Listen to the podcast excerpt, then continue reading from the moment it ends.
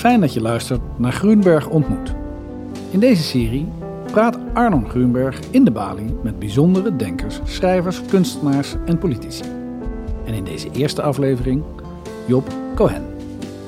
Cohen was ten tijde van deze aflevering net partijleider af en had dus een stormachtige tijd achter de rug.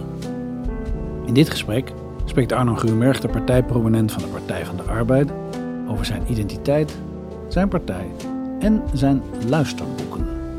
Maar eerst spreek ik, Juri Albrecht, directeur van de Bali, kort met schrijver Arnon Groenberg.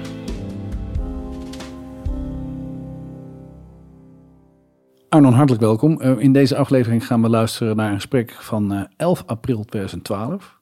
Waarom had jij Cohen uitgenodigd? Nou, ik vond het een fascinerende man en ook een toch wel een falende politicus, terwijl hij binnen was gehaald als de redder van de Partij van de Arbeid. En die Ja. had het dan uitgezien toen dat hij de grootste zou worden. Dat is hem niet gelukt. De Joodse Messias. De Joods, hij was de Joodse Messias. Je had Ja. ook Cohen-meisjes, weet je dat nog? Ja. Bij die t-shirts. Ja. Ik ben een Cohen-meisje.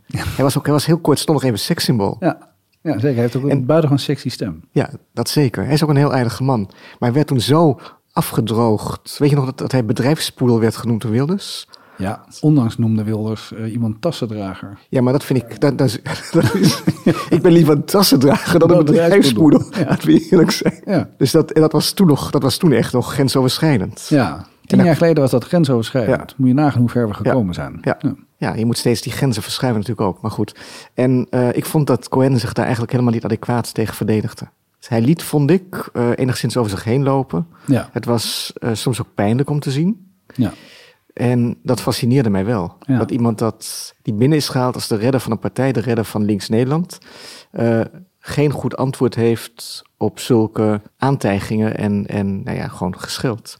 En later hebben we gezien dat het inderdaad heel moeilijk is om dat, dat soort gescheld te reageren. Maar toen was dat nog iets wat mij verbaasde. ja. Het is op zich heel begrijpelijk hè, dat je met een zekere opvoeding nogal perplex staat en, en, en zonder weerwoord ten opzichte van eh, transgressie. Nou, op die plek, we hebben het over de, de Tweede Kamer. Ja, Het is niet gewoon een kroeg in de Jordaan waar je binnenkomt en iemand zegt: hey, bedrijfspoedel, Nee. ga je maar weer naar huis. nee. Oké, nee, dat, nee. Het dat- is de nationale debatplek, de Tweede Kamer. Ja. En eigenlijk is het dan dus, het was jouw teleurstelling over het feit dat de leider van de sociaaldemocratie niet in staat was om adequaat weerwoord te bieden op dat moment en te, zich te laten zien als leider. Dat en dat eigenlijk heel veel mensen, ook van wie het niet verwachten, daar wel gniffelend. Het was een soort leedvermaak, een schadevoorde Oh ja. die ontstond. Ja. Van kijk, dit is toch eigenlijk. We zijn niet voor Wilders, maar er komt wel weer wat reuring. Ja. Dat Ja, is wel dit- grappig. En dat, nou, dat, is, dat is natuurlijk, dat was schadelijk, dat is enorm schadelijk gebleken. ja. Voor mij is Cohen wel de figuur die niet, niet dat hij verantwoordelijk is voor die teleurgang, maar die, die het begin heeft meegemaakt. En die daar ook wel iets over te vertellen had. Het blijkt ook achteraf na tien jaar een kantelpunt geweest te zijn. Ja, zeker. Zullen we gaan luisteren? Ja.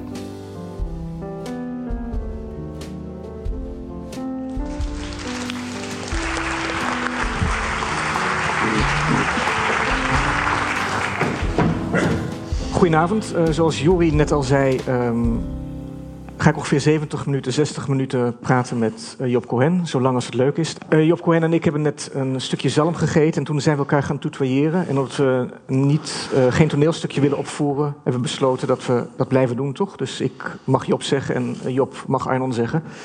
En dat mag u wat mij betreft ook. Ja, ik spreek ook namens jou. En- maar. Het klopt eh, wat Juri net zei toen ik dit gesprek eh, aanvroeg. Toen ik zei dat ik graag met jou wilde spreken. Toen was je nog eh, fractievoorzitter, leider van de PvdA. Toen zei ik dat, dat ik met je wilde praten over je luisterboeken. Het leek me eigenlijk weinig zinvol om een gesprek over de toekomst van de sociaaldemocratie te hebben. Of over welke andere politieke aangelegenheden ook. Toen werd duidelijk dat je in een andere hoedanigheid hier kwam. En eh, het, het, het klinkt misschien arrogant en hoogmoedig, maar ik, ik heb even gedacht dat je ermee bent opgehouden om heel openhartig met mij te kunnen spreken. Dat klopt. Dat, oké. Dat. Hoef ik ook niet lang over na te denken. Daarover, nee, Ik dacht van, het komt heel nou, goed dat- uit. Dat, Ja. vind ik, dat, ja, gelukkig. Ik wil eigenlijk beginnen met een, een eh, kort citaat uit een ehm, lezing die je hebt gehouden voor het eh, Willem Elschot Genootschap in, twe- twe- in eh, 2009. En daarin zeg jij iets over die, die luisterboeken die jij eh, met enige regelmaat voorleest. Namelijk, ik citeer. Aan het lezen van literatuur kom ik eigenlijk alleen maar toe in vakanties. Was in de loop der jaren voor mij een staande frase geworden. Sinds een paar jaar heb ik daar wat op gevonden, of liever gezegd, mijn secretaresse heeft er wat op gevonden. Want in de zomer en rond kerstmis maakt zij ruimte in mijn agenda om voor een uitgeverij luisterboeken in te spreken. Zo heb ik in de afgelopen jaren De Uitvreter van Neschio voorgelezen en Het Grijze Kind van Theo Thijssen. Twee schrijvers die mij na aan het hart liggen, net als Multatuli en Elschot. Is dat echt de reden dat je, dat je die luisterboeken bent gaan doen? Is dat... Nou, nee, de, de, de echte reden was, uh, dat, waren, de aanleiding was dat de, de, de uitgeverij uh, Rubinstein, die tegen mij zei van, zou je niet een keer een, uh, een boek willen voorlezen? En dat leek mij leuk. En het leek me daarom ook leuk, omdat mijn, mijn vrouw die kan niet meer lezen. En toen dacht ik het nuttige met het aangename te kunnen verenigen. Dus als ik het voorlees, dan lees ik het ook aan haar voor. Dan zitten we daar in die uitgeverij. Achter zo'n nou, een beetje een tafel vergelijkbaar met deze. En dan zit zij aan de andere kant en dan lees ik het aan haar voor. En toen heb ik ook gezegd dat ik, eh, want het was toen eenmalig was toen het idee. Ik zei dan wil ik graag het Grijze Kind voorlezen van Theo Thijssen. Omdat dat een van mijn uh, lievelingsboeken was. Het was ook een, een, lievelingsboek van mijn grootmoeder. Die ik weliswaar nooit gekend heb, maar via mijn vader heeft, uh, die, die zei van dat moet je maar lezen. En het was ook het, het, mijn allereerste spreekbeurt op school, die, die ging daarover. Dus dat heb ik toen gezegd. En toen vond ik, ik vond het ook leuk om het te herlezen. En dat beviel toen goed. En nou, toen hebben we ook wel bedacht dat het aardig zou zijn om, uh, nou ja, echt, echt eens een paar van de, de, de grote uh, literatoren van Nederland, om die uh, op deze manier nog weer een keer tegemoet te treden. En nou, zo ben ik toen ook bij, bij Neschio terechtgekomen, bij Elschot. En toen dacht ik ook van nou, Multatuli, dat was het enige boek wat ik op school moest lezen. En dat vond ik dan ook, dacht ik, dat wil ik ook nog wel herlezen. En toen kwam net die hertaling, die kwam eraan. En die heb ik toen voorgelezen. En daarnaast een beetje gestopt, maar ik heb uh, van de gelegenheid gebruik gemaakt van het feit dat wij hadden afgesproken om dit gesprek te voeren en ik daardoor dus tijd kreeg om de uitgeverij op te bellen om te zeggen van ik wil nog wel weer. Maar klopt het dat, dat Multatuli dan een minder grote liefde van nee, je was? Nee, nee, nee, oh, nee, nee, nee, hoor, helemaal niet. Nee. Dat moest klinkt zo... Nee, nee, nee, oh, nee, helemaal niet. Nee, nee dat, dat, dat leek, vond ik ook. Eh, dat, ik, ik, vond ook dat dat ook nog een keer als luisterboek er moest komen. Oké. Okay. Misschien want ik denk dat niet iedereen die luisterboeken kent... of uh, niet iedereen die heeft Job Cohen horen voorlezen. Ik vind het wel aardig als we een stukje uh, horen uit het eerste hoofdstuk van Max Havelaar. Misschien kan dat worden gestart. Eerste hoofdstuk. Amsterdam, omstreeks 1860. Batavus Droogstoppel, een handelaar in koffie kondigt aan een boek te schrijven. Droogstoppel moppert en klaagt. Hij zegt van de waarheid en niets dan de waarheid te houden. Daarover zeurt hij maar door en maakt zichzelf belachelijk. Ik ben makelaar in koffie en woon op de Lauriergracht, nummer 37. Het is niet mijn gewoonte romans te schrijven of zulke dingen. En het heeft dan ook lang geduurd voordat ik ertoe overging extra papier te bestellen. En te beginnen met het werk dat u lieve lezer, zojuist ter hand hebt genomen. En dat u moet lezen als u makelaar in koffie bent of als u wat anders bent. Niet alleen schreef ik nooit iets wat leek op een roman, maar ik houd er zelfs niet van iets dergelijks te lezen, omdat ik een zakenman ben. Al jaren vraag ik mij af waar zulke dingen goed voor zijn. En ik ben verbaasd over de onbeschaamdheid waarmee een dichter of romanverteller u iets op de mouw durft te spelden dat nooit is gebeurd en meestal niet kan gebeuren. Als ik in mijn vak, ik ben makelaar in koffie en woon op de Lauriergracht, nummer 37. Aan een principaal, een principaal is iemand die koffie verkoopt, een opdracht gaf waarin maar een klein gedeelte van de onwaarheden voorkwam die in gedichten en romans de hoofdzaak vormen, dan zou hij onmiddellijk Busselink en Waterman nemen. Dat zijn ook makelaars in koffie, maar hun adres hoeft u niet te weten. Ik zorg er dus wel voor dat ik geen romans schrijf of andere valse verhalen vertel. Ik ben 43 jaar, ik bezoek sinds 20 jaar de beurs en kan dus voor de dag komen als iemand die ervaring heeft. Ik heb al heel wat bedrijven zien omvallen. En gewoonlijk, wanneer ik de oorzaken naging, zag ik dat de meeste ondernemers in hun jeugd op het verkeerde pad waren geraakt. Ja, nou, dan hebben de mensen een idee van hoe jouw stem klinkt als je voorleest. Ik had een vraag, want jij zegt van dit boek heb je moeten lezen op school. Dit is een hertaling. Hoe, hoe verhoud jij je tot die hertaling die gemaakt is door Gijsbert van Es, een redacteur van NRC Handelsblad? Ook met het achterhoofd dat je op diverse malen in je leven hebt gesproken over de, de noodzaak van het verheffingsideaal. Is dat niet eigenlijk een, een ongewenste concessie om zo'n boek te hertalen? Ja, ik vond dat hij het, uh, het erg mooi hertaald heeft. En dat de essentie ervan, dat hij uh, er ook is, in is gebleven. Overigens, helemaal op het eind heb ik nog een vergelijking gemaakt. Heb ik nog ook juist op dat eerste stuk in zijn oorspronkelijke versie ook nog een keer voorgelezen. Om dan ook voor diegenen die daar helemaal doorheen gekomen zijn, om nog te laten zien dat, wat die verschillen daarin zijn. Ik vond het hier geslaagd. En ja, dan vind ik het, natuurlijk, het is een concessie. Maar als dat ertoe leidt dat daardoor ook veel meer mensen dit gaan lezen, dan heb ik dat er graag voor over. Dan mag alles hertaald worden? Ik weet niet of alles hertaald hoeft te worden. Maar Multatuli wel.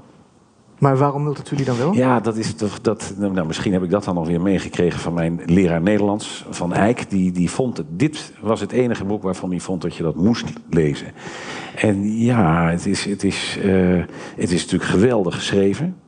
Uh, het, het, laat, het, het zegt toch ook heel veel over de Nederlandse geschiedenis. Uh, er zitten prachtige verhalen in. Uh, ja, als je het nou hebt over de Nederlandse literatuur, dan is dit een monument. En het is een monument waarvan ik me ook nog wel weer kan voorstellen dat als je, als je nu opgroeit, dat het, dat, het, dat, het, dat het minder toegankelijk is dan het uh, 50, 60, 70 jaar geleden is. Nou, dan, dan denk ik vooruit maar. Dan mag het. Ja. Maar of dat nou voor alles geldt, dat weet ik niet. Nee. Zoals het leven is verrukkelijk, zou ik uh, vooral houden zoals het is. En Elschot ook? Uh, Els, ja, ik weet niet of het nodig is nu. Maar het zou best kunnen dat het over een tijd wel nodig is. En dan vind ik dat die ook hertaald zou moeten worden, als dat nodig is. Ik wil graag het begin nog, om even terug te komen op die Elschot-lezing, het begin even voorleggen.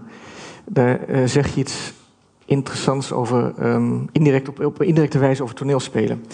Je schrijft, en dat heb je toen ook voorgedragen, het was de directeur-generaal Boerman van het Algemeen Wereldtijdschrift voor Financiën, Handel, Nijverheid, Kunst en Wetenschappen, die te zijne kantoren de zojuist in Texera de Matos omgedoopte Laarmans op het haardbond tracht zelf te geloven wat je vertelt, dan vooral werk je betoog overtuigend.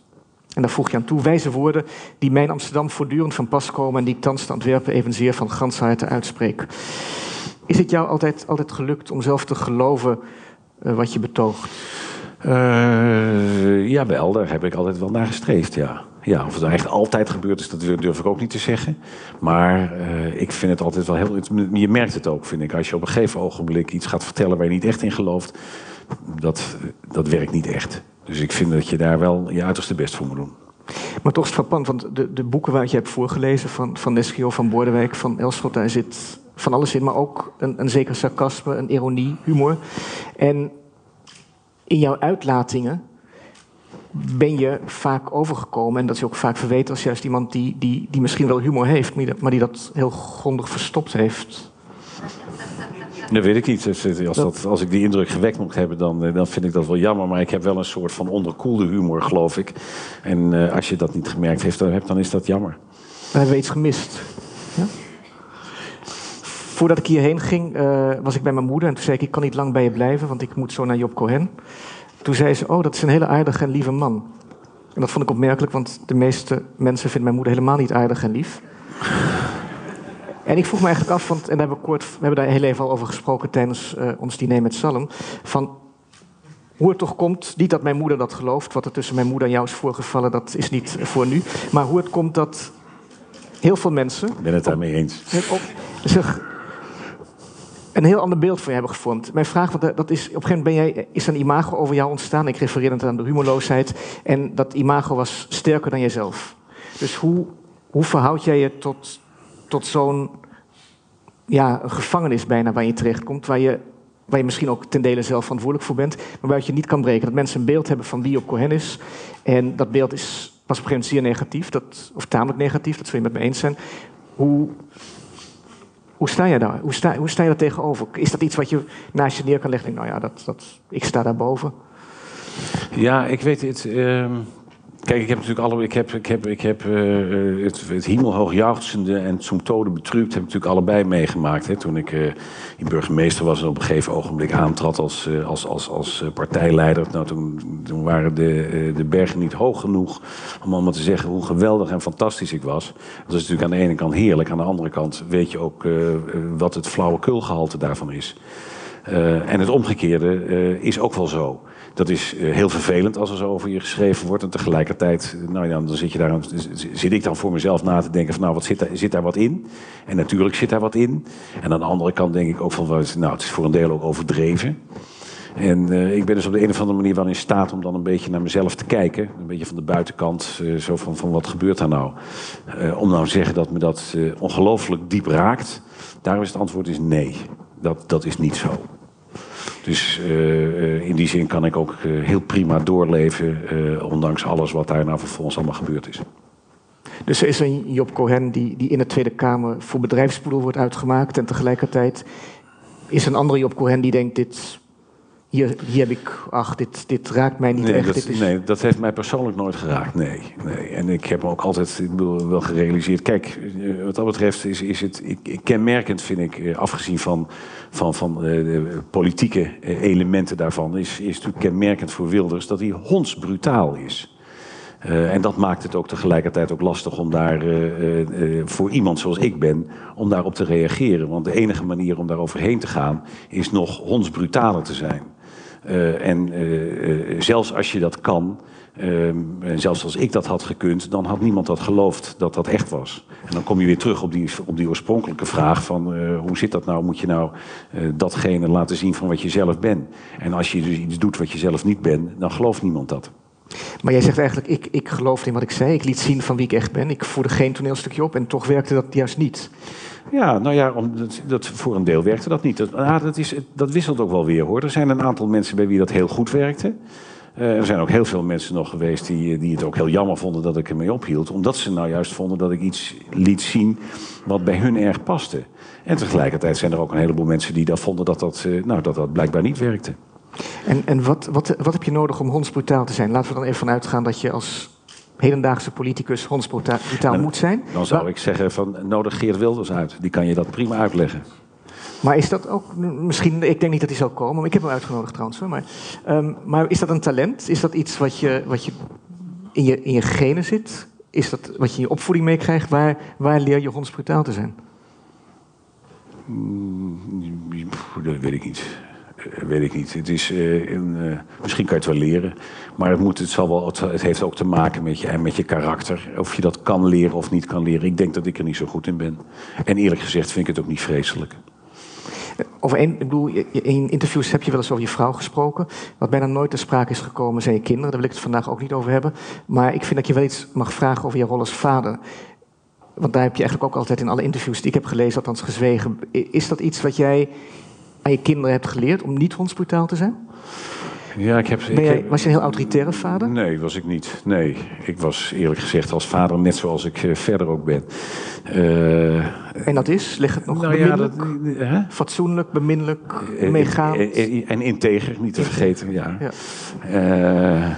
nee, maar ik... ik um, dus als je zoon zei, ik kom om vier uur thuis, dan zei jij, we maken er twee uur van. Nou, het, het, inderdaad, het, dat was inderdaad het debat wat we hadden. Dan, dat ging dan niet om vier uur, maar hij waren dan om twee uur. Ik zei twaalf uur en dan na een uur, uur, verder werd het dan één uur.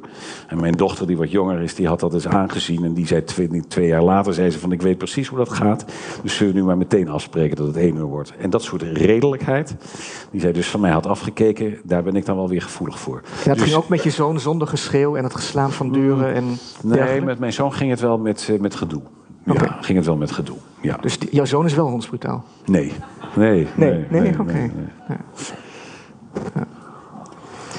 Ik wil je. Um, je hebt een bundel ges geschreven, uh, Binden, met een aantal van je toespraken. Heb jij nou het gevoel dat je dat, dat, dat. Herken je daar iets in? Dat, in dat, die, die, die, die, die Honse brutaliteit, heb jij dat? Ik denk, ik heb geen kinderen, maar. Nee, nee, nee, maar. Ik zal maar, ik wil even, laat me even. Nee, nee, maar even over jezelf. Over jezelf. Ik denk als ik schrijf, kan ik wel hondsbrutaal zijn. En als, je, en, en, en, en, uh, als je gewoon dus, dus, dus, dus met, uh, met iemand aan het praten bent en als je dat Nee, helemaal niet. Dan zou je het niet nee, nee, maar dat, we hebben net, daar wil ik ook nog met jou over praten. Want we hebben het net opgehoord, want dat weten de mensen helaas niet. Die waren het beste gedeelte van het gesprek is al geweest.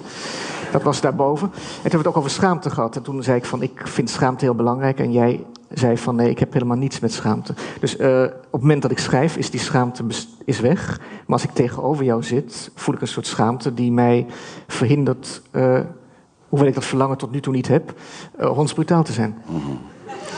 Maar, dat, maar, dus, dus, dus, dus, dus, dus, uh, dus, maar goed, dat is ook zo. In je teksten, daar kan je dus inderdaad, dat, nou ja, dan, dan, daar kan je dat inderdaad ook. Dat Als het moet, kan ik. En, daar ja. kan je, en met veel plezier.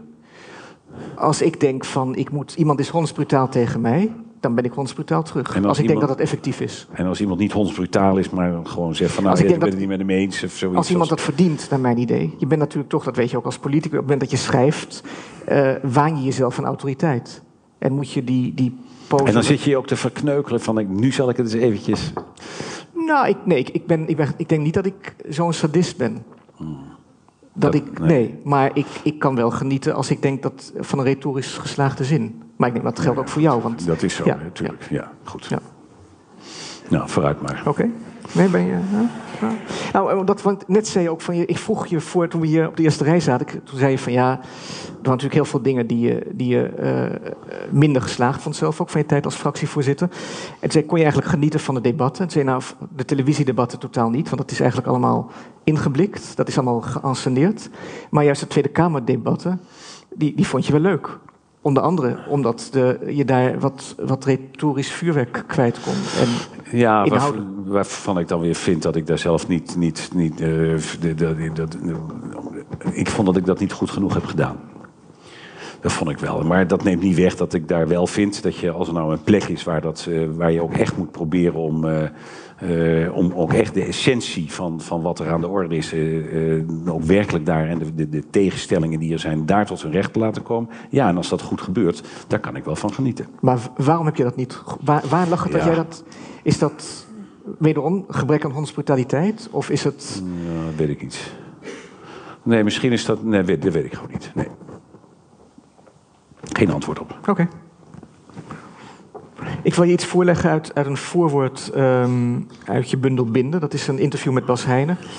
En daar zeg je in dat interview zeg je tegen Bas Heijnen... eh, het probleem met de sociaaldemocratie is haar succes. Er is zoveel bereikt. De achturige werkdag, iedereen naar school, iedereen een auto. Allemaal verwezenlijkt. Nou, daar valt weinig op af te dingen. Dat, de meeste mensen hebben een auto. Bijna iedereen gaat naar school. Dus ehm, Klaar. maar wat klaar, ja. En, en is, is, ik bedoel, als, dit is wel, waar zit dat verheffingsideaal? Ik dacht dat dat juist niet zozeer een materialistisch ideaal ja. was. Ja, klopt. Is ook zo. En eh, dat, dat is ook iets wat er nog zeker is. Eh, wat weer een hele andere vorm krijgt. En overigens vind ik ook wel, en daar zitten we nu weer een paar jaar verder. Dit is een interview, denk ik, uit 2009, 2010. Ja. Nou, daar is natuurlijk toch wel weer een, eh, een recessie en een crisis zijn er overheen aan het komen. En datgene wat, hè, wat zoals ik dat daar ook beschreef en zoals het ook toen was, het, het idee van, van bestaanszekerheid, van dat je daar eigenlijk geen zorgen meer over hoeft te maken. Ja, dat gevoel van onzekerheid is wel weer teruggekomen. En, en, en, en de verschillen die er zijn in, eh, in, in, in, in behandeling, de mogelijkheden die mensen hebben, rijkdom aan de ene kant, armoede aan de andere kant, weliswaar binnen perken, maar veel groter dan het een tijd geleden was. Ja, die maken wat mij betreft eh, eh, hernieuwd sociaaldemocratie ook een, een, een belangrijke stroming. Maar is het probleem, gaat het probleem niet verder dan de recessie? Want op het moment dat je zegt van dat zijn idealen, school en auto, dan kan ik me voorstellen dat. Ja. Eén één seconde, ik kan me voorstellen dat het electoraat zegt, jouw kiezers, of de kiezers van de PvdA, want het zijn misschien niet meer jouw kiezers, van ja, nu hebben we één auto, maar we willen twee auto's. Dus kweek je niet ontevredenheid als je zegt dit zijn de idealen. Ja, maar goed, het, je, kan het ook zien van dit, dit en, en zo zeg ik het ook. Het zijn wel dingen die allemaal bereikt zijn. En die het leven voor mensen ontzettend veel aangenamer hebben gemaakt. Ik, eh, ik, ik weet nog wel dat ik een tijd geleden een, eh, een filmpje heb gezien over, eh, uit de jaren zestig over de Jordaan.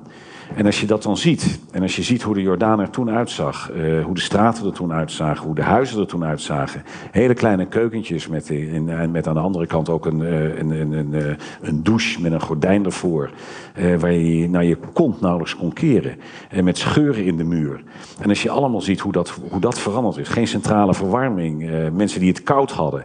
Als je ziet wat dat allemaal veranderd is. En, en, en eh, waar, waar, waardoor het leven voor nou, voor, voor doodgewone mensen zoveel beter is geworden. Ja, daarvan, dat vind ik iets waar, waar enorm voor gestreden is. En wat bereikt is. Dat heb ik daar ook vooral in willen zeggen. En natuurlijk is het zo dat je dan uh, terecht of ten onrechte zegt van nou je wil nog wel weer wat meer. Maar dit zijn wel hele essentialia die bereikt zijn. Die bereikt waren en die nu wel weer, nou ja, voor, de, voor, voor een deel alweer op de tocht komen te staan. Op een ander niveau. Maar met die onzekerheid die mensen nu hebben, met banen, met huizen, met, met, met, met alles wat eraan te pas komt. Dat maakt dat wel weer anders.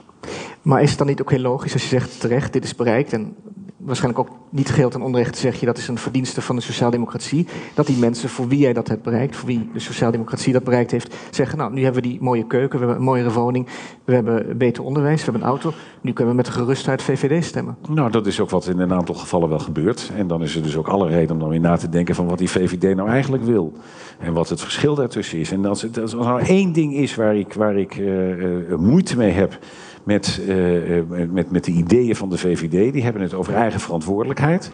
Dat vind ik terecht, want ik vind ook dat iedereen verantwoordelijk is voor zichzelf. En daar begint het mee, maar daar eindigt het niet mee. En je hebt zo het gevoel dat de VVD denkt van nou hoor, we geven iedereen gelijke kansen. En als je met op basis van die gelijke kansen, dan moet je het verder maar zelf doen. Ja, en dan ligt het verder aan jezelf of je er wat van maakt of niet. Dat vind ik als uitgangspunt wel goed, maar ik ben dan, zoals ik het ook wel vaak heb gezegd, dan, dan vind ik dat het noodzakelijk is om achter die eigen verantwoordelijkheid een komma te zetten.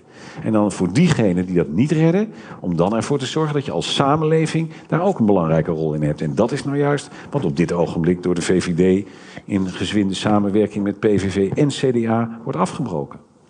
Is ook eigenlijk, kom je nu terug op wat je hebt gezegd in een van je laatste lezingen, de Kerdijk-lezing. Ja, je schudt je hoofd, maar als je niet, je mag, me zo, je mag me zo terechtwijzen hoor, dat vind ik niet Dank je. Um, volgens mij heeft het daarmee te maken met wat je net zei, want in die Kerdijk-lezing, en wederom, als ik je niet goed samenvat, corrigeer me, heb je het over de meritocratie. Je zegt van ja, dat is een mooi ideaal, maar die meritocratie werkt niet om twee redenen. Hij is nog niet echt voor iedereen toegankelijk. Er zijn nog altijd mensen die, die aan een achterstand beginnen en die is nog niet helemaal gecompenseerd. Maar vooral, en dat vond ik een heel interessant punt, je zegt van wij zijn niet allemaal met gelijke talent op de wereld gekomen. Dus wat doen we met mensen die um, door het noodlot, door weet alcoholische moeder, noem die als voorbeeld geloof ik, of een, een vader die erop loslaat, zodanig achtergesteld zijn dat het niet meer te compenseren is. Ja, wat, mij, wat mij betreft, de kern in die, in die lezing is geweest. Dat, is, dat gaat dus over die, over die meritocratie. Waar, je, en waar lang ook door sociaaldemocraten is gezegd: van wij strijden voor gelijke kansen. En waar vonden we dan ook, hè, de liberalen aan onze zijde, die vonden dat ook. Uh, en het, het, het, het, en het, het in toenemende mate realiseren daarvan leidt ertoe dat veel mensen die die gelijke kansen hebben gekregen en die het vervolgens niet maken in de samenleving, ook niet meer om over, of, over hun schouder kunnen kijken en dan zeggen van ja, maar ik kan er niks aan doen. je wordt dus op jezelf teruggeworpen als je het niet maakt. En de vraag is dan vervolgens van, wat vind je daar nou van? Zeg je daar dan van, zoals de liberalen zeggen, met die gelijke kansen, nou, ik heb gelijke kansen gekregen, nou zoek je het verder maar uit. Maak je het niet, heb je pech gehad. Maak je het wel, heb je het wel gehad. En daar vind ik iets oneerlijks in zitten. Juist omdat je al die verschillende talenten hebt. Sommige talenten die vinden we belangrijker dan andere. Uh, en honoreren we ook anders. En uh, ik vind dan ook de verschillen in, in, in het honoreren van die talenten. Daarvan zit, zit ik me dan voortdurend af te vragen: is dat nou redelijk? En dat vind ik dan niet. En dan denk ik, dan moet je daar dus, ook als samenleving, moet je daar dus ook nog wel weer op een gegeven ogenblik, moet je daar een kaders omheen zetten, moet je daar hek omheen zetten. Dat is wat mij betreft de kern van die, uh, van die lezing. Ik mag je één citaat uit die lezing voorleggen? Je schrijft, je zegt, er is immers geen mens dat zijn eigen talenten kiest, ze worden ons bij geboorte ook maar gegeven. Natuurlijk, de liberale reflex is wel begrijpelijk, omdat we gevoelsmatig die talenten als zo'n onlosmakelijk met onze identiteit verbonden onderdeel ervaren. Maar dat neemt niet weg dat de verdeling van talenten een natuurlijke loterij is. We kunnen mazzel hebben, we kunnen pech hebben, maar ons, aan, ons eraan, onttrekken is onmogelijk. Einde citaat. Maar je kunt, ik bedoel, als overheid kun je toch niet die natuurlijke loterij gaan. Uh, die, de fundamentele onrechtvaardigheid die bestaat door die natuurlijke loterij, die kun je toch niet geheel wegnemen? Dat is toch niet helemaal. Maar, maar, je, maar je hoeft er toch niet, je hoeft hier toch niet helemaal weer neer te leggen. Waarom zou je nou iemand verdelen? Want dat is, dat, daar zie je het het meeste, vind ik. En zeker ook op dit ogenblik. We hebben hier in Nederland die sociale werkplaatsen. Nou, die heb ik uh, in, in de afgelopen jaren, ik geloof dat ik overal wel geweest ben. En wat mij voortdurend voor ogen staat, is het beeld van een jongen met het syndroom van Die daar in zo'n sociale werkplaats uh, werkt. En die daar met ontzettend veel plezier zijn werk doet. Nou, dat, dat kost jou en mij kost dat geld, want dat subsidiëren we. Dat vind ik dus prima. En ik zou het dus heel slecht vinden als je dan zou zeggen van ja, jammer, uh, we hebben hem kansen gegeven, maar god, hij kan niet zoveel meer. Niemand die verder hem een baan wil geven, achter de geraniums. Dat vind ik dus niks. En daarom denk ik dan van, die jongen kan er niks aan doen. We geven hem alle kansen die er is. Maar zorg ervoor dat hij dan ook een redelijk bestaan heeft. En zorg en een redelijk bestaan, of je dat nou leuk vindt of niet, wordt ook afgemeten aan het bestaan van anderen. En dus vind ik ook te grote verschillen die er zijn. En die dus weliswaar ook aangeboren kunnen zijn, afhankelijk van talent. Afhankelijk ook van de manier waarop wij naar talent kijken. Jij hebt het geluk dat je met jouw grote talenten, dat die ook gehonoreerd worden. Maar er zijn ook mensen die hele grote talenten hebben, waarvan we denken van, nou, wat heb je er aan? Vinden we niet interessant? Dan is het toch oneerlijk dat jij daar wel mee gehonoreerd wordt en iemand anders niet? Uh, ik, ik kom zo terug op die talenten, maar nog even op die sociale werkplaats. Daar heb ik ook helemaal niets op tegen. Het lijkt me fantastisch. Maar nu zegt die jongen die jij in het voorbeeld opvoerde, zegt ja, maar ik zit in die sociale werkplaats en dat is toch maar een sociale werkplaats. Ja, er, is, er was een loterij en ik wil de Tweede Kamer in. Waarom mag ik de Tweede Kamer niet in en Job Cohen wel? Dus in hoever, hoever ik bedoel, een sociale werkplaats is, is de eerste fase, maar waar houdt het op? Ja, wel, maar, dat, ja, nee, maar waar, waar het ophoudt is, is... Tuurlijk, er is op een gegeven ogenblik wel weer strijd tussen... en zeker als het gaat over, over plaatsen waar je, waar je niet van alles over te vergeven hebt. Maar waar het mij om gaat is dat je, dat je uh, als de, de verantwoordelijkheid van uh, de samenleving... niet ophoudt met het geven van gelijke kansen. En dan vind ik dat je daar wel wat meer mag doen. En natuurlijk, daar zijn altijd grenzen aan. Maar het gemak om daarvan mee te zeggen: van nou hoor, gelijke kansen en verder zoek je het maar uit, dat vind ik te makkelijk. Welke talenten worden niet gehonoreerd, vind je? Je zei van er zijn heel veel. Nou ja, of, talenten die, die, die minder. Ik, ik, moet zeggen dat ik het altijd. Uh, uh, ik vind het altijd geweldig om als, als ik uh, naar mijn werk liep. Als ik dan stratenmakers aan het werk zie. En als je ziet wat een ongelooflijk zwaar werk dat is. En wat een fantastisch werk die leveren. Dat is een kunst om dat op een mooie manier te doen. Maar die mannen die worden volgens mij behoorlijk matig gehonoreerd in dat geheel. En die geven wel hun knieën en hun rug op een gegeven ogenblik op. En die verdienen echt een heel stuk minder dan jij en ik. En hoe gaan we dat oplossen? Nou ja, hoe gaan we het oplossen? Ik vind dus dat, dat een grotere inkomensgelijkheid, eh, daar ben ik voor. Ik, dat vind je ook in diezelfde lezing. Ja, dan heb... Jan Tinberg gezegd, één, tien, tien, keer het minimumloon is, is mooi genoeg. Ja. ja. je begrijpt dat ik het daar niet mee eens ben. Maar nee, dat begrijp ik eigenlijk niet. Waarom niet? Nee? nee. Daar ben je het zelf toch ook niet echt mee eens? Jawel, maar waarom ben je het er niet mee eens? Nou, misschien is dat, ik dat even nog in, in, in jouw uh, Elschot-lezing heb je het ook over de menselijke, over de hebzucht. En je, je wat mij betreft uh, kom je tot een tamelijk moralistische is lezing dat, van Is dat van jouw antwoord? Nee, laat me even uitpraten. Dan, ja, zeker ten dele. Je zegt van de hebzucht stel je voor als iets alleen maar negatiefs. En ik denk die hebzucht heeft ook heel veel positieve kanten. Het feit dat we hebzuchtig zijn maakt ons ook ambitieus. Natuurlijk gaat het niet alleen om geldelijke beloningen, er zijn ook andere beloningen. Je had het net over jezelf eh, tijdens de zalm. Uh, dat je zei van ik heb in de eredivisie van de politiek meegespeeld. Dus in die zin heb je ook, misschien is het geen hebzucht, maar heb je ambitie. En die ambitie wil je op een manier beloond zien. Op het moment dat je, dat je heel erg gaat, dat je, dat je als staat gaat ingrijpen, als overheid gaat ingrijpen, en je gaat bemoeien met, wat mij betreft, een privérelatie tussen werkgever en werknemer, denk ik, de overheid heeft er niets mee te maken hoeveel mijn werkgever mij betaalt. Omgekeerd vind ik het ook jouw zaak wat de Partij van de Arbeid jou betaalt. En je noemde net, je had het net over Jacques Wallage, als ik dat mag zeggen. Die zei, die is nu geëxcommuniceerd, die is uit de partij. Nee, dat is, dat is, is impopulair geworden omdat hij uh, als um, Raad van Commissaris, zeg je het goed? Raad van Commissaris bij de Post te hoge bonus heeft gegeven. En jij zei het zelf, dat is, dat is ongenuanceerd. Dus ik denk dat jij stiekem veel genuanceerder denkt over die beloningen dan jij nu. Nou, ik, nee, ik denk daar helemaal niet zo ontzettend veel uh, genuanceerder over. Ik vind, wat mij betreft zit de nuance erin dat ik op een gegeven ogenblik het wel mooi vind. En dan, en dan juist ook, eh, dat vind ik ook, ben ik, ben ik erg met je eens, dat er ook meer is dan alleen maar geldelijke beloning. Tuurlijk, er is ambitie. En, er is, en, en wat mij betreft hoort die of niet hoort, dat is onzin. Maar zou ik het, mooi vinden als ambitie erin zit, dat je je talenten tot het uiterste weet te benutten. En waarom dat dan vervolgens. En dat moet niet ten koste gaan van anderen. En, dat, en ik vind ook dat je dus als samenleving er ook oog voor moet hebben voor mensen die dan. Nou ja, waar, waarbij talenten dan zitten. Die, die we op de een of andere manier geldelijk minder uh, honoreren. Maar waarbij ik wel vind dat je ze tot hun recht moet laten komen. Maar dat ontkent niemand toch ook? Het gaat nu, je kan, en natuurlijk, ik ontken ook helemaal niet dat je hoge inkomens hoger kunt belasten. Dat lijkt me prima. Maar het is een beetje raar Dus dat, dat, je dat gaat zou je zeggen... wel goed vinden, want je hebt nog geen antwoord gegeven op mijn vraag of je het dan er wel of ik denk dat, dat, dat, je, dat je ernstig ondermijnend gaat werken als je als overheid zegt. Ik vind het ook dat je, dat je als overheid veel te ver gaat. Maar dat je stelt van ik ga bepalen wat het maximum is wat, wat een werknemer Maar, mag maar zou, jij verdienen. dat, zou jij dat zelf heel erg vinden? Als je nou bij wijze van spreken zeg, tien keer het minimumloon zou verdienen, zou je ook niet het gevoel hebben van nou, vind ik eigenlijk wel mooi.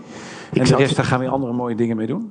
Waar je zou ook wel heel weer heel veel lol van hebt. Nee, ik vind dat is mijn... Kunnen we bijvoorbeeld hier die balie, dan kunnen we die van maar verbouwen. dat is, dat is mijn privé eh, verantwoordelijkheid. Ik kan natuurlijk, en dat doe ik ook wel eens, ik kan geld gaan weggeven. Maar ik zou het heel raar vinden als mijn uitgeverij zou zeggen, of de uitgeverij die mijn boek uitgeeft, ja, tot, tot 4000 boeken krijg je, een, krijg je een. En daarna, als je meer verkoopt, gaat het allemaal naar ons. Of gaat het allemaal naar Nou ja, nou, de PvdA? Nee, dat, dat Nee, lijkt me heel ja. Dat nou, lijkt me nee, mal. dat, en dat, dat zou lijkt ik me... ook geen goed plan vinden om het Nee, daar allemaal aan de nee, Partij van de Arbeid nee. te geven. Maar ik zou het wel goed vinden om het aan de samenleving ten goede te laten komen. En net zo goed als het. eh, eh, dat doen we natuurlijk op heel veel terreinen. En er zijn natuurlijk heel veel meer terreinen waar je, dan, waar je die samenleving nog weer een stuk beter van zou kunnen maken. En waarbij je veel meer. Bedoel, dan hadden we al die bezuinigingen op die cultuur, zou je bij wijze van spreken niet nodig hebben gehad. Sterker nog, dan zou je dit soort avonden, die zou nog veel meer kunnen houden. Zou je nog je- veel meer tot je recht kunnen komen. Maar jij weet toch ook wat het gevolg is als we dat werkelijk gaan invoeren? Betekent dat, die, dat, die boek, dat de boekhandel om twee uur dicht gaat. En denkt, ja, wat maakt het uit als ik nog wat extra boeken verkoop?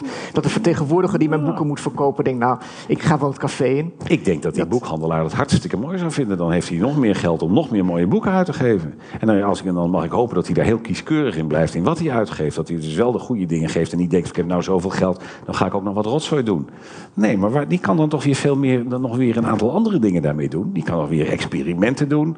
Die, die, allemaal veel meer mogelijkheden. Dus je hebt een gigantisch vertrouwen in de mens. Eh, nee, want als ik zoveel vertrouwen in die mens zou hebben. dan zou ik eh, dit voorstel niet hebben gedaan. Maar je denkt dat ondanks het feit dat er geen geldelijk gewin in is, mensen net zo hard zullen blijven werken.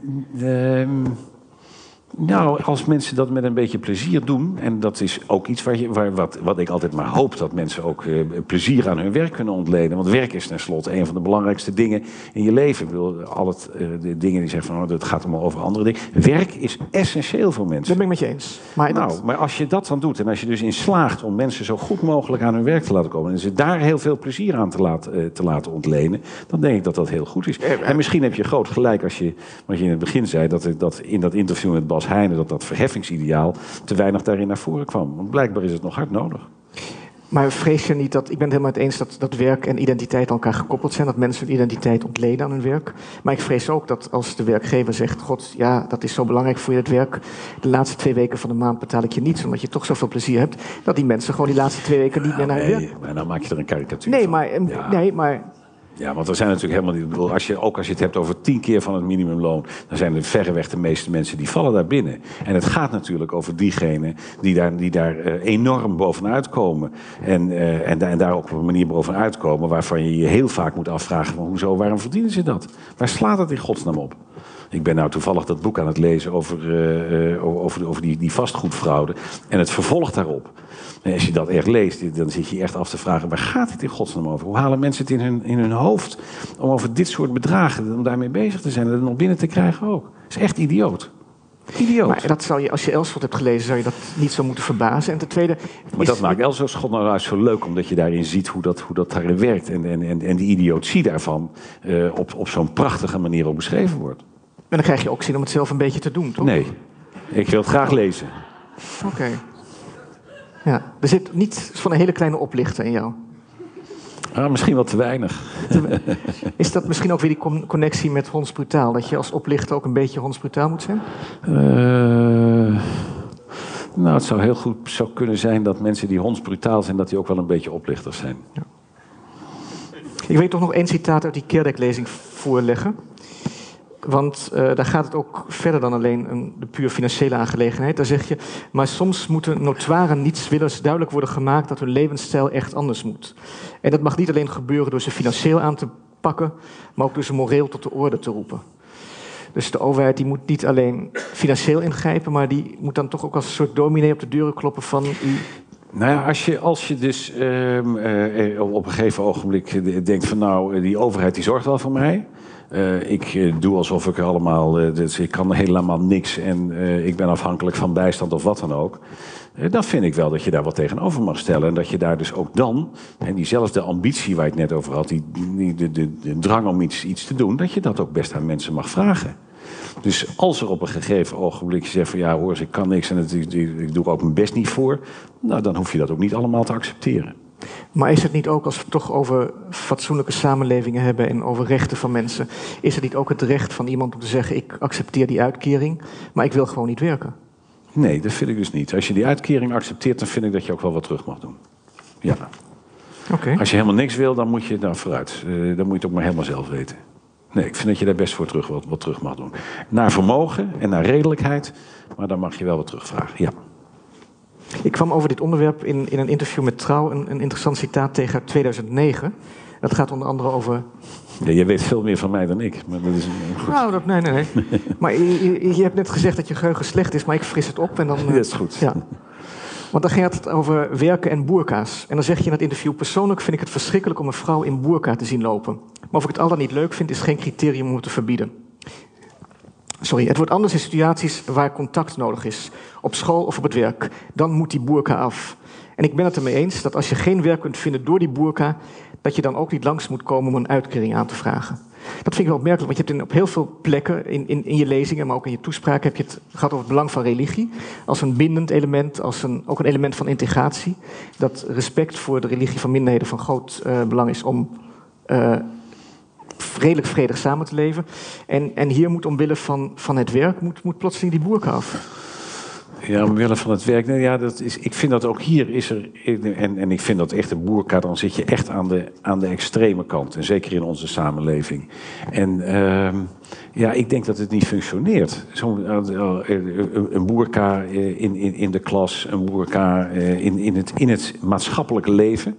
En dan ben ik geneigd te zeggen van oké, je moet het niet verbieden. Maar als je dat doet en als je op die manier zo weinig eh, in staat bent, blijkbaar om religieuze overwegingen. Eh, als dat zo is, want het kunnen natuurlijk ook nog andere overwegingen zijn. Maar als dat zo is, dat je dan ook dan, dat, dat je dan eh, ja, je zo ver afstaat van die gemeenschap, dat je dan ook niet iets terug kan vragen van de gemeenschap. Dus ik vind dat je daar, ja, daar moet je ook op dat punt echt ook rekening houden met de anderen. Ik was in 2010 in Syrië en toen zei een man tegen me dat die vrouwen boerka's dragen als ze geen zin hebben zich op te maken. Dus dat.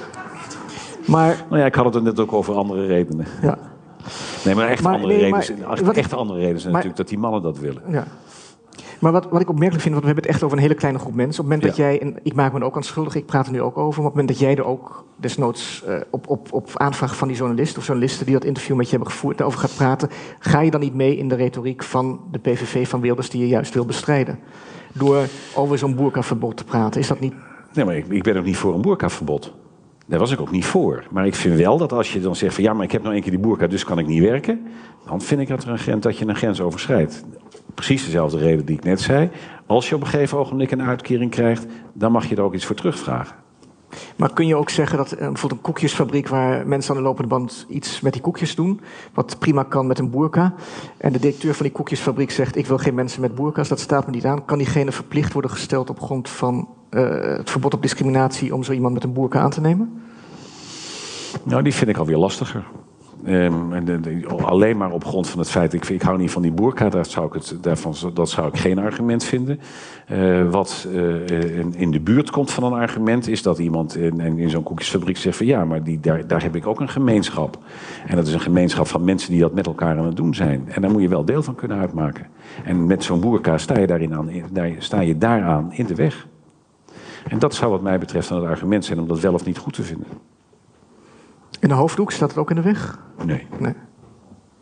Wat, je hebt verschillende malen over integratie en assimilatie gesproken. Hoe zie je precies het verschil tussen die twee Daar zie, zaken? ik, daar zie ik een groot verschil tussen. Assimilatie is echt dat je opgaat in de gemeenschap waar je dan eh, eh, in terecht bent gekomen. Eh, en dat je dus blijkbaar dan ook helemaal niets meer van datgene wat, eh, wat je uit die andere cultuur meeneemt, dat je daar helemaal maar geen enkel blijk meer van moet geven. Eh, dat zou ik nooit verplicht willen opleggen. Integratie is wat mij betreft ook echt deelnemen aan die samenleving. Maar eh, vanzelfsprekend, in mijn optiek, wel degelijk ook met meenemen van het hele verleden wat je hebt. Denk je dat assimilatie iets, positiefs is? Ehm, als je dat helemaal zelf wil. Ik denk dat ik een paar mensen ken die dat proberen, maar die ook daar niet in slagen. Om de dood eenvoudige reden dat je je verleden natuurlijk altijd met je meeneemt. En ik vind altijd het beste voorbeeld daarvan van al die Nederlanders die op een gegeven ogenblik geëmigreerd zijn naar Australië eh, of naar de Verenigde Staten en Canada. Maar die altijd wel iets houden van, eh, eh van het feit van hun Nederlandse achtergrond. We hadden dat eh, onder de zalm er ook over dat jij ook zei van dat, dat he, met, jouw achtergrond, met jouw ouders die uit Duitsland kwamen, dat je daar nog steeds ook die enorme die verbondenheid met Duitsland voelt. Uh, en, en hoezeer jij ook dan verder je, je ook Nederlander bent. Uh, die verbondenheid die is er. En die kan je volgens mij ook nooit kwijtraken. En assimilatie, zo zie ik dat, dat zou met zich meebrengen dat je je uiterste best doet om die, om die roots, om die maar net te doen alsof die er niet zijn. En dat, dat, ik vind dat zo wezensvreemd, dat ik daar, ook, daar zou ik dus ook helemaal niks voor voelen. Dus assimilatie is iets wezenlijks ontkennen. Ik, wil, ik stel eigenlijk dezelfde ja. vraag die Koen Klein in de Groen Amsterdam in 2008 aan je stelde. Is er verschil tussen integratie en assimilatie? En toen antwoordde je, nou ik vind dat niet een theoretisch onderscheid. Er zit een heel verschil in, in wat je doet. Daar zijn Joden een voorbeeld van en daar ben ik zelf geloof ik ook een mooi voorbeeld van. Ik ben een typisch geval van assimilatie. Volgens mij ben ik aanzienlijk meer Nederlander dan Joods. Ja, ik ben ook Joods, omdat ik weet dat ik Joods ben en dat ik Cohen heet. Maar dan heb je het wel ongeveer gehad. Maar er is ook een aantal Joden die heel goed passen binnen deze samenleving, maar die tegelijkertijd de eigen Joodse gewoonten en gebruiken hebben gehandhaafd. Daarvan vind ik dan dat er niet sprake is van assimilatie. Ik wil het niet helemaal over één kam scheren, wou ik maar zeggen. Ja, dit, nou ja, dit is geloof ik niet heel veel anders dan wat ik net zei. Nee, nee, nee. Nou, maar ja, je maakt, ja. dit, ik, het, het, je maakt, dit, hier maakt het persoonlijk. Ja, ja. Dus ik vond het... Nee, dat, dat klopt. Maar uh, um, kijk, uh, mijn, mijn, mijn ouders, mijn grootouders, mijn overgrootouders... die, die, die hebben allemaal in Nederland gewoond. Uh, sterker nog, en dat, is, dat, dat vind ik dan wel weer een mooi voorbeeld... dat is het voorbeeld wat ik in mijn Kleveringa-lezing ook aanhaal van mijn moeder... He, die uh, in, dus in de jaren dertig, uh, daar komen ze weer, heeft meegemaakt dat ze. Die, die zei van ik ben Nederlandse. En opeens werd ze Joods. Ja. En dat, was een, en, dat, en dat had ze tot dat ogenblik helemaal nooit gevoeld.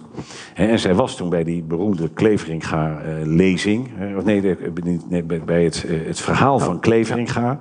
1941, hè, toen de, de, hoogleraar Meijers eruit gezet werd door de Duitsers. En Meijers was ook toen al een van de beroemdste hoogleraren die toen in die Leidse juridische faculteit zat. En toen is de decaan van die faculteit, Kleveringa, die is daar toen gekomen. Die heeft een, nog steeds fantastisch leesbaar verhaal gehouden. Waarin hij dus echt de vloer heeft aangeveegd met het feit dat Meijers eruit werd gedonderd. Mijn moeder die zat daarbij en die had toen het gevoel van, dat, wat, die, die vond dat dus geweldig. Die had toen echt het gevoel, en dat zijn belangrijke woorden, uh, ik hoor erbij.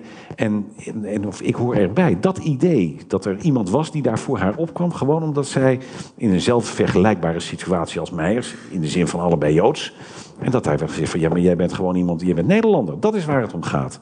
En dat is wat zij toen altijd heeft gevoeld. Zij was, zoals ik dat ook ben, geassimileerd. En het feit dat je ook Joods bent, ja, dat, het feit dat je Joods bent, dat is iets, in die zin iets wonderlijks. Dat je, of je nou, dat heeft, het heeft helemaal niets meer met het geloof te maken. Uh, en je kan, of je het wil of niet, kan je dat niet, niet, niet van je afleggen. Maar ik ben in die zin geassimileerd. En ik vind dat ook niet zo gek. Omdat er dus al een aantal van die generaties van mijn familie in Nederland hebben gewoond. Nou, dat is, denk ik, in jouw geval is dat anders. En dan, dan, dan, dan, is het, dan werkt dat ook op een andere manier. En dat vind ik heel logisch. Dat, het verhaal over je moeder die die uh, toespraak, die reden van Kleveringa bijwoont, dat komt heel veel terug. Je gebruikt het zelf in jouw Kleveringa reden. Dat is eigenlijk een, een essentieel moment, lijkt het, in jouw geschiedenis. Van het, jouw moeder die denkt, ik hoor erbij. Want je zei ook net tijdens de zalm weer van, ik heb nooit het gevoel gehad er niet bij te horen. Ik heb eigenlijk altijd, ja, er was dan op de op lagere school een keer een jongetje die tegen me zei, met dat jongetje mag je niet spelen, want dat is een Jood. Toen ging de volgende dag naar hem toe van, ja, ik ben ook Joods. Toen was het probleem opgelost. Dus nou ja. Eigenlijk, ja, nou ja, daar komt het neer, toch? Of vat ja, dat wel samen? Nee, dat klopt wel. Dat nog. Hij zei toen, goh, ik zei, wat dacht je dan dat ik was? Nou, gewoon protestants. Ja. Oké. Okay.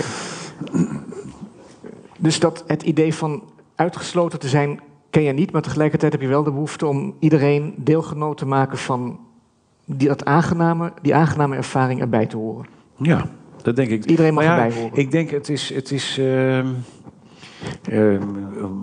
ik, ik, denk dat het in toenemende mate in mijn leven belangrijker is geworden. En dat ik me ook steeds meer ben gaan realiseren. En dat kwam ook ongetwijfeld door het feit dat ik op een gegeven ogenblik hier burgemeester werd. In een stad met zo ontzettend veel verschillende eh, nationaliteiten. Waarvan het eerlijk gezegd ook maar een godswonder is. Uh, voor zover je gelooft, dat dat allemaal maar bij elkaar leeft. Met al die enorm verschillende uh, culturen die er zijn. En, en het belang daarvan, dat kan niet onderschat worden. Want het is even makkelijk om vanuit al die verschillende culturen dat niet met de mond te doen, maar daar een beetje vechtend over straat te gaan. En het belang daarvan, dat komt wel bijeen in de woorden erbij horen en meedoen. Toevallig in de geschiedenis op hetzelfde stukje grond terechtkomen. Ja, daar heb je het maar mee te doen. En dan is het zo verschrikkelijk belangrijk om dan ook, ook, ook in, nou, eraan bij te dragen dat mensen ook dat gevoel hebben van ja, uh, ik, kan, ik mag hier ook wezen, ik kan er hier ook aan meedoen. En dat vinden ze misschien wel raar, maar ze geven me wel de gelegenheid. En dat, nou ja, dat maakt Amsterdam ook tot zo'n bijzondere stad, omdat dat hier heel vaak goed gaat. Maar er is wel iets waar je voortdurend voor moet knokken. Maar het gaat ook heel erg tegen de tijdgeest in. Ja. Want die is juist van het buitensluiten. Ja. Het ontlenen van eigen identiteit aan het vijandbeeld. Ja. Ja, dat is heel jammer, maar het is wel waar. En, het is, ik, en daarom, nou ja, dat, ik, ik, ik blijf het ongelooflijk belangrijk vinden. Want als die tijdgeest er alleen maar één is van mensen dus tegen elkaar zetten en, en, en ook tegen elkaar opzetten, ja, daar schiet je niet veel mee op. Dat maakt het allemaal niet makkelijk. Dat begrijp ik ook heel goed. En het is ook niet zo makkelijk om. En het, het, is ook, ook, ook met uh, nou ja, mensen die heel goed kennen, die uit andere culturen komen. Dan merk je heel erg vaak dat je, hoe goed je iemand ook kent, dat ze op een totaal andere manier reageren op precies dezelfde woorden die je spreekt. Het vraagt ook, het, is een enorme investering is het om daar ook werkelijk ook, ook, ook in te slagen.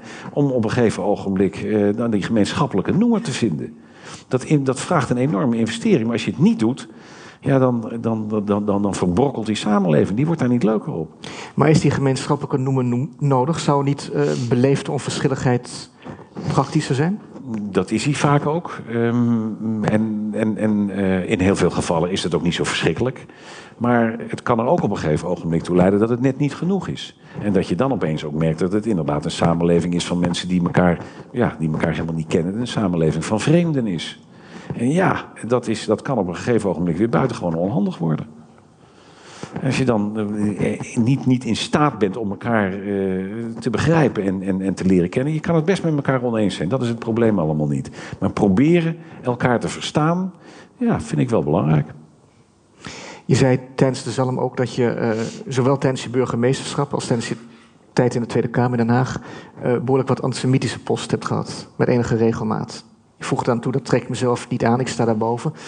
Um, in hoeverre denk je dat bij de beeldvorming over jou een al dan niet bewust antisemitisme een rol heeft gespeeld? Nou, nee, dat geloof ik niet. Nee? nee, nee, dat denk ik eigenlijk niet. Nee. Nee, er zijn altijd wel mensen die, uh, die, die inderdaad met dat soort antisemitische dingen komen.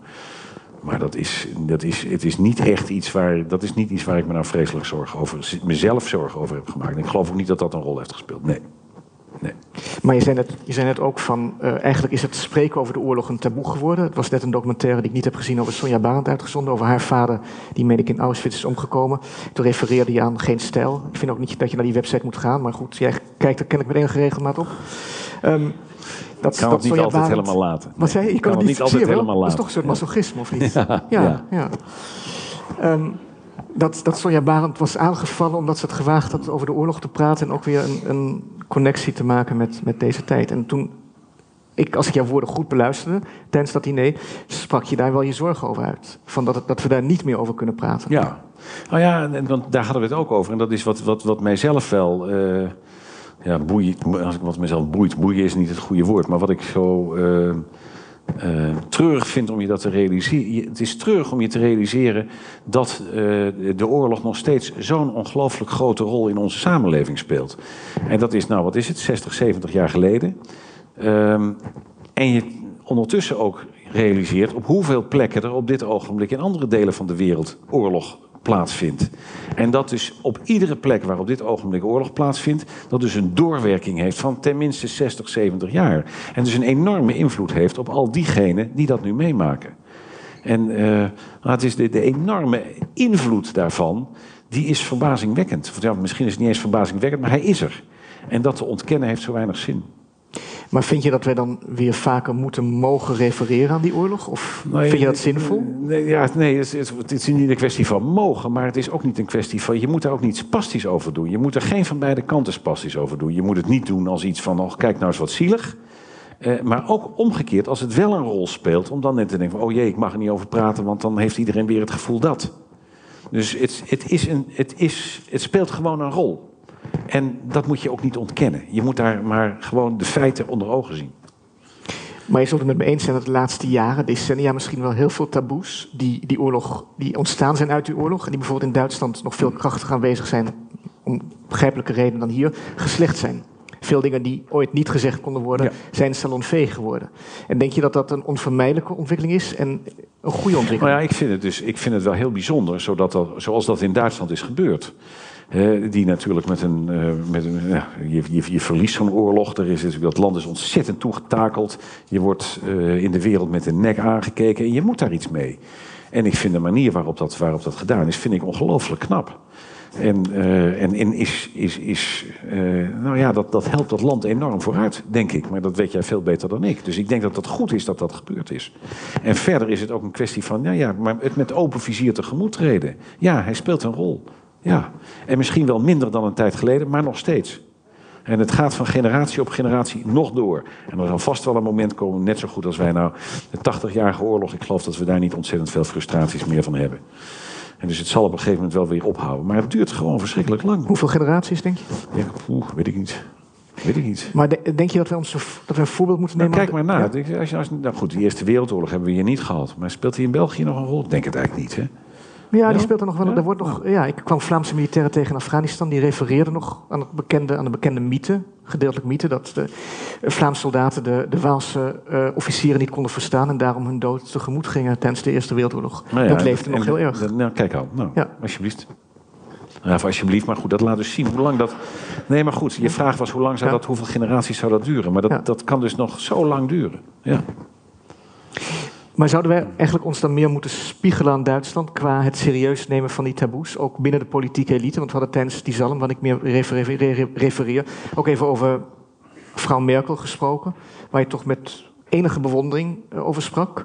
En toen vroeg ik aan jou van, zou, zo'n politicus, die eigenlijk van Angela Merkel heeft toch de CDU heel erg naar de linkerzijde van het politieke spectrum geduurd, zou haar manier van politiek bedrijven eh, aanslaan in Nederland? En daar, daar liet je toen... ja, weet ik ook niet. Kijk maar, een politicus die meer naar links gaat... is natuurlijk beter dan een politicus die meer naar rechts gaat. Ja, maar het gaat de manier waarop ze het doet. Dit was een grap. Want ik geloof dat, oh, dat was een grapje. Nou ja, oh. Ja, daar zie je. Dat, ja, daardoor ontstaan die misverstanden. Ja. Oké. Nee. nee. Ja, Dat was geen grapje. nee. Maar het ging, want ik bedoel, ze is, Ja. ze is, als ze honds brutaal is, is ze dat op een hele ehm, subtiele manier. Nee, maar dat is. Maar ik vind, nee, maar goed, jouw vraag was inderdaad van zou die nou in Nederland kans maken? Ik, ik vind dat heel moeilijk om dat, om, dat, om, dat te beoordelen. Ik vind wel dat ze dat. dat, ze dat eh, eh, ik, ik vind wel dat het een, hele knappe politica is. Eh, zoals ze daar voetje bij voetje bij, bij aan de macht is gekomen. En zoals ze dat blijft. Zoals ze niet alleen in, in, in, Duitsland, maar ook in het buitenland. Nou ja, toch gezag heeft, heeft, heeft gekregen. In verdomd moeilijke tijden. Ik vind dat wel. Ja, ik heb daar wel bewondering voor. Ja. Je zei ook, en dat slaat, sluit hierop aan, dat je eigenlijk als politicus... Ik vroeg, wat heb je nodig om te slagen als politicus? Omdat je zelf zei, het is mij niet helemaal gelukt. Toen zei je, nou, je moet, toch, je moet over machiavellistische eh, krachten beschikken. En je moet, als het nodig is, talenten, machiavellistische talenten... roekzichtloos je woord kunnen breken. Je gaf toen een voorbeeld, ik zal die niet herhalen... over Mark Rutte, die dat eh, bij jou had gedaan. Als jij het wil halen, mag jij dat doen, maar ik doe dat niet. Ehm, is dat... Het hoort bij mijn talenten dat ik dat niet zal doen. Is dat. ehm, Vind je het niet jammer dat je dat talent niet hebt? Nee. In een interview zei je ook dat je, dat je niet, dat je, hoewel je wetenschapper bent, dat je eigenlijk weinig begreep van wetenschappers. Nou, je begreep het wel, maar je, hebt die, die- je zou nooit het, de ambitie hebben om je leven lang met de linkerpoot van een mier bezig te zijn. Ik heb het nu even niet opgezocht, maar Ja, zoiets ja, zei je. Dat kan je geloven.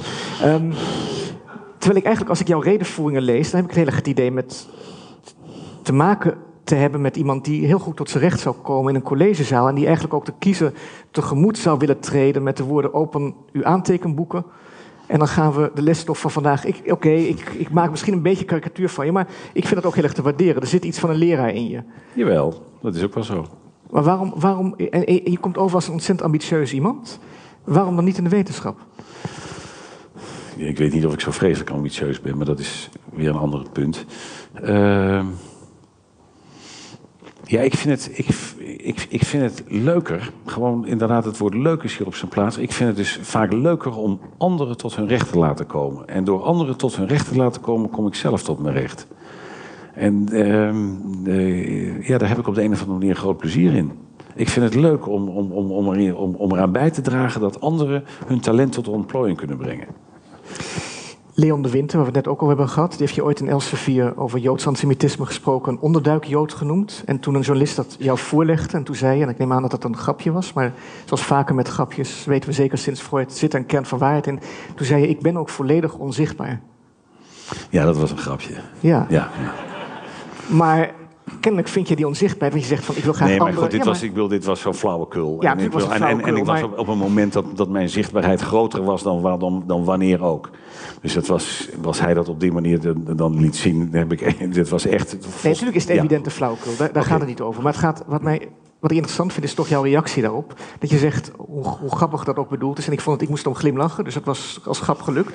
Ehm, denk ik toch van, ook nu weer, van als iemand, iemand die anderen tot hun recht wil Ja. laten komen. Ik wil, ja, ik heb er niets tegen als anderen tot hun recht komen. Maar ik wil toch liever zelf tot mijn recht komen, als ik heel eerlijk ben. Ja, maar- Dus ik vind het toch opmerkelijk dat jij daar fundamenteel van mij verschilt. En zegt, nee, die anderen moeten tot hun recht komen. Nee, maar ik kom, tot mijn, ik kom tot mijn recht door anderen tot hun recht te laten komen. En dan, Ja, maar- kom ik, daar ben ik dus buitengewoon tevreden over. En sterker nog... Maar is dat niet een soort van onzichtbaarheid? Nee, want ik heb het gevoel dat anderen dat ook wel zien. En sterker nog, ik geloof dat ik, nou misschien de afgelopen jaren niet in, in, in, in overdreven mate, maar dat ik toch eh, daarnaast behoorlijk tot mijn recht ben gekomen. En dat wel met, met, met, met, met deze eigenschap. Maar dan begrijp ik één ding niet, want jij bent een intelligent mens. Je hebt net zelf gezegd, politiek haalt niet het beste naar boven in mensen. Dat is evident, dat weten we allemaal. Je moet een machtspoliticus zijn, een machiavellist. Dus als je mensen tot je recht wil laten komen, waarom ga je de politiek in? Als je weet dat je daar eigenlijk de, de intuïtie van een bloedhond voor nodig hebt. Die het juist leuk vindt om de ander te verscheuren.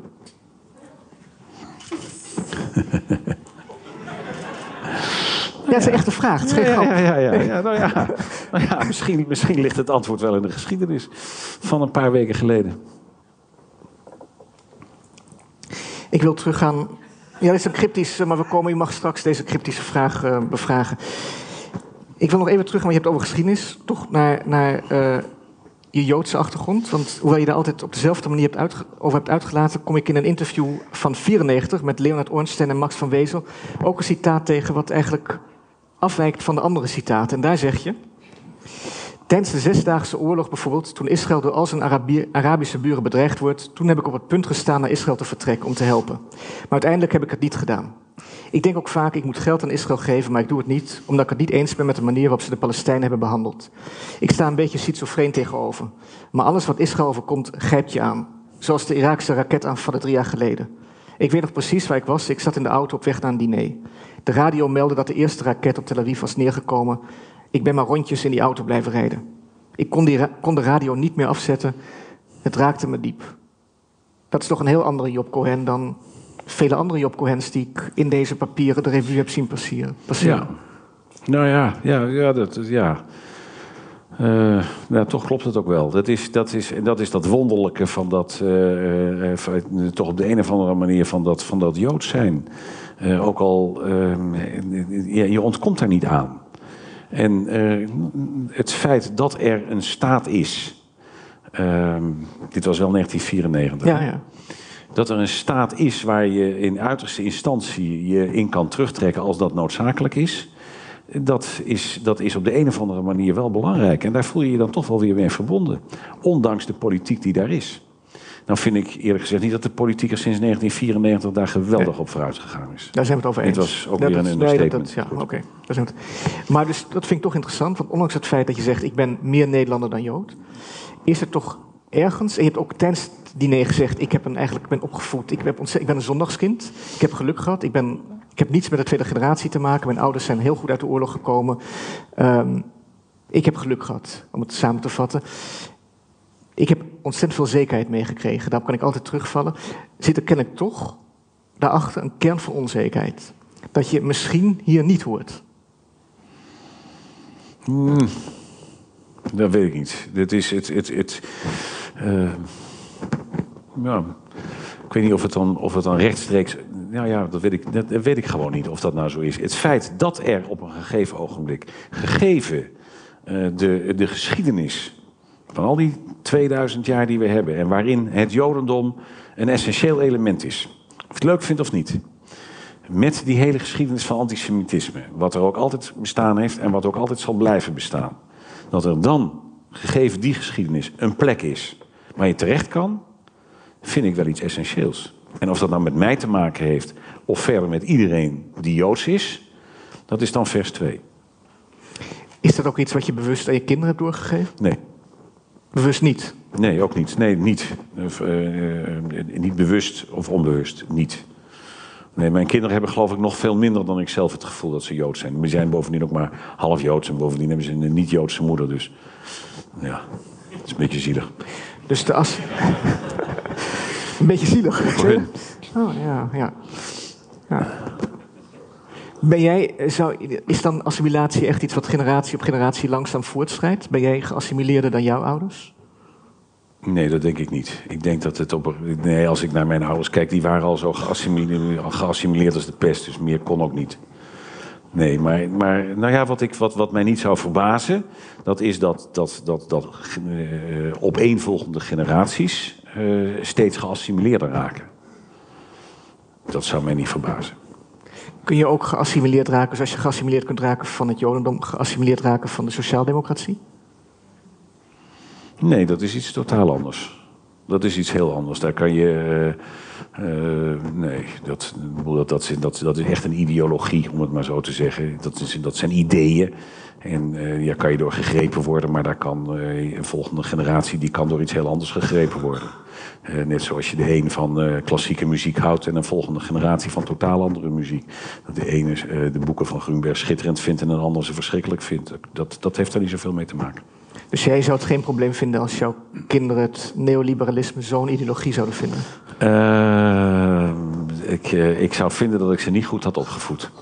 Dus toch, maar, je geeft dus... dus nou ja, ik, nee, ik vind, het, ik vind het plezierig als ze dat niet vinden. Maar ze zouden er geen cent minder lief om zijn. Maar bijvoorbeeld je aantrad als fractievoorzitter in 2010... zei je in je acceptatiereden of in je eerste reden als fractievoorzitter... met enige nadruk, ik ben al van mijn achttiende lid van de Partij van de Arbeid. Dus dat is dan toch meer dan alleen een ideologie. Het is ook een, soort gemeente. Jawel, voor mij wel. En ik ben, ik ben ook door, door, door mijn ouders ook wel in die traditie meegenomen. En ik denk ook dat ik mijn kinderen ook wel in die traditie heb meegenomen. Maar voor, het, nou, voor hetzelfde geld, het had best gekund. Net zo goed als je dat ook om je heen ziet. Eh, dat, dat, eh, je hebt ook, ook dat de volgende generatie een totaal andere kant op gaat. Je hebt ook dat binnen, binnen gezinnen dat de ene de ene kant op gaat, de andere de andere kant op gaat. Dat kan maar zo. Ik herinner me de, uh, de, de broertjes Woudenberg. De eentje die ging naar de NSB, de ander die werd lid van de, van de NSDAP. Binnen dezelfde familie. Is, is een sociaal-democratische partij of beweging ook een manier om, om je te assimileren als je bijvoorbeeld Joods bent of moslim of als je tot een minderheid behoort? Weet ik niet. Nee, weet ik niet of dat zo is. Nee, dat kan je volgens mij ook heel goed binnen andere partijen. Ja. Nee. Uit een interview uit. Um, nog steeds. Oh, een werk heeft hij ervan gemaakt, hè? Ja, Ongelooflijk. Nou, ik, ik, kijk even hoe laat het is, want ik wil, ik wil ook de mensen, als je het goed vindt. Oh nee, we gaan, ja, ik, heb nog, nog, ik wil nog één. We gaan zo openstellen voor vragen publiek en dan ben je, uh, ben je van mij uh, verlost. Je zegt in datzelfde interview met Leonard Oorst en Max van Wezel: Ik hoef niet zo nodig mijn stempel op alles te drukken. En dan voegde, voegde de interviewers toe, nog, speet, nog steeds pijnzend: Het spijt me voor u dat ik zo in elkaar zit. Ja. Ja, dat is toch weer, ik wil niet onzichtbaarheid noemen, want dat vind je een beetje na, maar toch is het een beetje die distantie van, nou ja, een, een, er zit er misschien een, een schrijver in je. Iemand die in de hoek van een kamer gaat staan en alles bekijkt. En nou, dan... weet je, dat, is, dat, dat, dat, interview heb je misschien niet gezien. Maar dat is, daar hebben ze me op een gegeven moment wel een, eh, een, een, betrokken beschouwer genoemd. En dat vind ik eigenlijk voor mijzelf wel een goede kwalificatie. Zeer betrokken bij de maatschappij en bij alles wat daarin zit. Maar ook een beschouwer. Ik zit er altijd een beetje naar te kijken.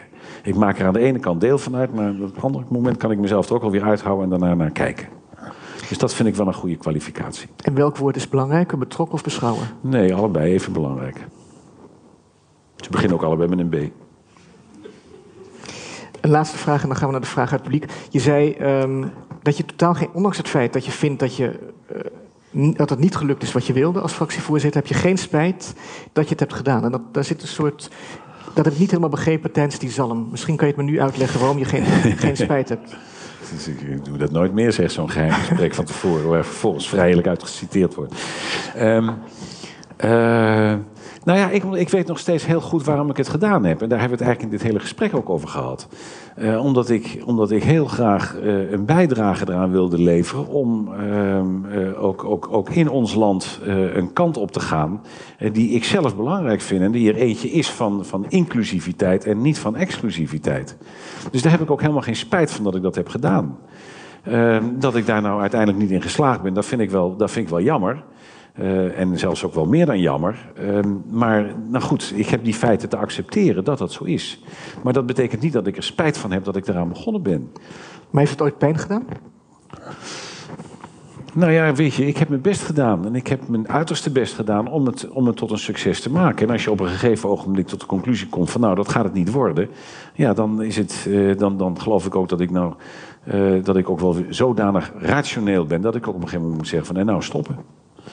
En dat is niet leuk. Tuurlijk is het niet leuk, want ik had graag gewild uh, dat, het, dat het wel succesvol was geweest. Uh, voor mezelf, maar uh, ook om, vooral ook voor die idealen waar ik voor sta.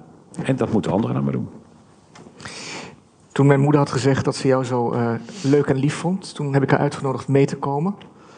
Maar toen zei ze: nee, daar ben ik te oud en te lelijk voor. Maar doe hem wel de Wat heb je toen gezegd? Ik heb gezwegen. Dat was niet zo aardig, hè? Nee, dat zal ik goed maken. Maar ze vroeg me wel of, ze, of ik jou namens haar de hartelijke groeten wilde doen. Bij deze. En dat leek me ook een mooie afsluiting van dit gedeelte van het interview. Bedankt voor het luisteren naar Arnon Grunberg ontmoet vanuit de Bali. Wil je er nou een keer zelf bij zijn bij zo'n gesprek van Arnon Grunberg? Schrijf je dan vooral in voor onze nieuwsbrief of volg ons op de socials, zodat je als eerste hoort wanneer het weer zover is. Over twee weken weer een nieuwe aflevering. En dan hoor je dit. Bij een vorige discussie over dit thema in de Bali liep het een beetje uit de hand. Dat wil ik vandaag voorkomen. U gaat niet schreeuwen, niemand wordt bedreigd. Als dat gebeurt, leg ik de discussie stil en vraag ik degene die heeft gescholden, heeft bedreigd of anderszins zich heeft misdragen de zaal te verlaten. Arnon, dankjewel en tot de volgende.